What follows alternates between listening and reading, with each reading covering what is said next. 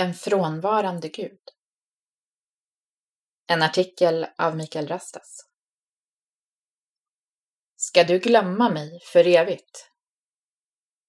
Så kan det ibland kännas i relationen med Gud. Att man är helt ensam och övergiven. Men det är en lögn. Det visste inte minst kung David. Lidande och svårigheter är en del av livet. Ibland kan det till och med upplevas som om Gud inte finns där. Det fina med detta är att det är en helt okej okay känsla att ha. Gud tål nämligen att vi ifrågasätter honom. Samtidigt mår ingen av oss bra av att stanna vid ifrågasättandet, vid besvikelsen. Som tur är behöver ingen av oss det heller. Gud är mycket mer god och nådefull mot oss än så. I slutändan är det den allsmäktige och ingen annan som har sista ordet. Mitt i mörkret finns ett ljus och ett hopp.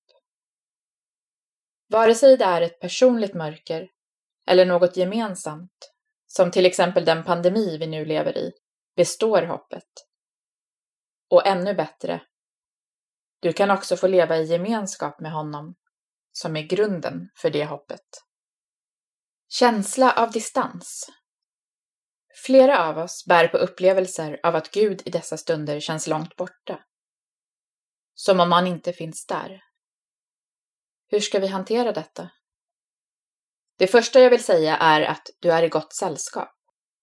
I psalm 13 i Bibeln skriver David Hur länge, Herre, ska du glömma mig för evigt? Hur länge ska du dölja ditt ansikte för mig?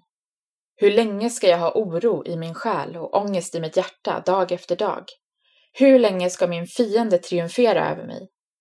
Se mig, svara mig, Herre min Gud.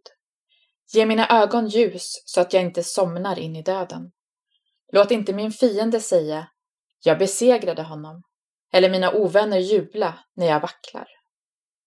Saltaren 13, vers 2-5 David uttrycker här alltså att det känns som om Gud har glömt honom.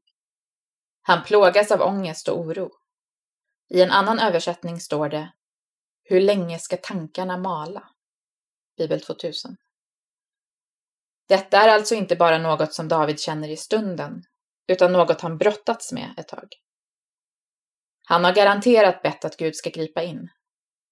Här tror jag att många kan känna igen sig du kanske inte har fiender på samma sätt som David i Saltaren. Folk ville ju till exempel döda honom. Men du kanske har någon som du är osams med. Kanske din drömpartner valde någon annan. Eller så har du gått igenom många år av depression. Eller lider av en ätstörning. Känslan av att mörkret vinner är något som verkligen kan tynga ner en person. Det är i de stunderna som det ibland känns som om Gud är tyst död eller bara försvunnen. Mitt i pandemin. När vi nu befinner oss mitt i en pandemi kan det finnas många orsaker till att uppleva det som om Gud är frånvarande.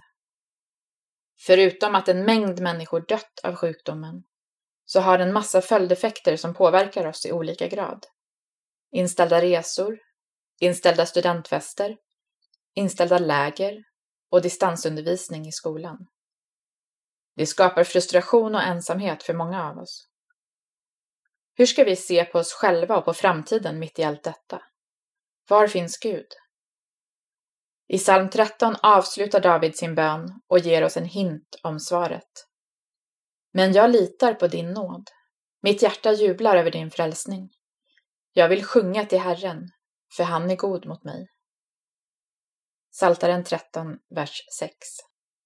I djupet av sitt hjärta vet David att Gud är god, att han en dag kommer att rädda honom och att han redan nu kan få del av Herrens godhet. Davids hopp, det som får honom att inte helt tappa modet och ge upp, är att han vet vem Gud är. Detsamma gäller dig och mig. Oftast när vi fastnar i att vi är besvikna på Gud, eller upplever att han är långt borta, handlar det om att vi någonstans gått på en lögn om Gud, eller att vi glömt vem han är. Han är universums herre, men också den som finns inom oss. Han är dessutom den som besegrat ondskan och döden när han korsfästes och uppstod. Herren är nära. Så om du, lik David och en mängd kristna genom hela historien, upplever att livet är mörker och att Gud är långt borta, minns då att Herren är nära. Påminn dig om vem han är. Nämligen den som blev människa och gav sitt liv för dig. Han lämnar dig inte, han sviker dig inte. Även när det känns så får du leva i denna sanning. Vi kanske inte har alla svar, men vi vet att Herren ger oss styrka och att vi är på den segrande sidan i slutändan. När detta får sjunka in i djupet av vårt inre blir svårigheter och lidanden lättare att bära. Inte för att de försvinner, men för att han som bär hela universum i sin hand också bär dig.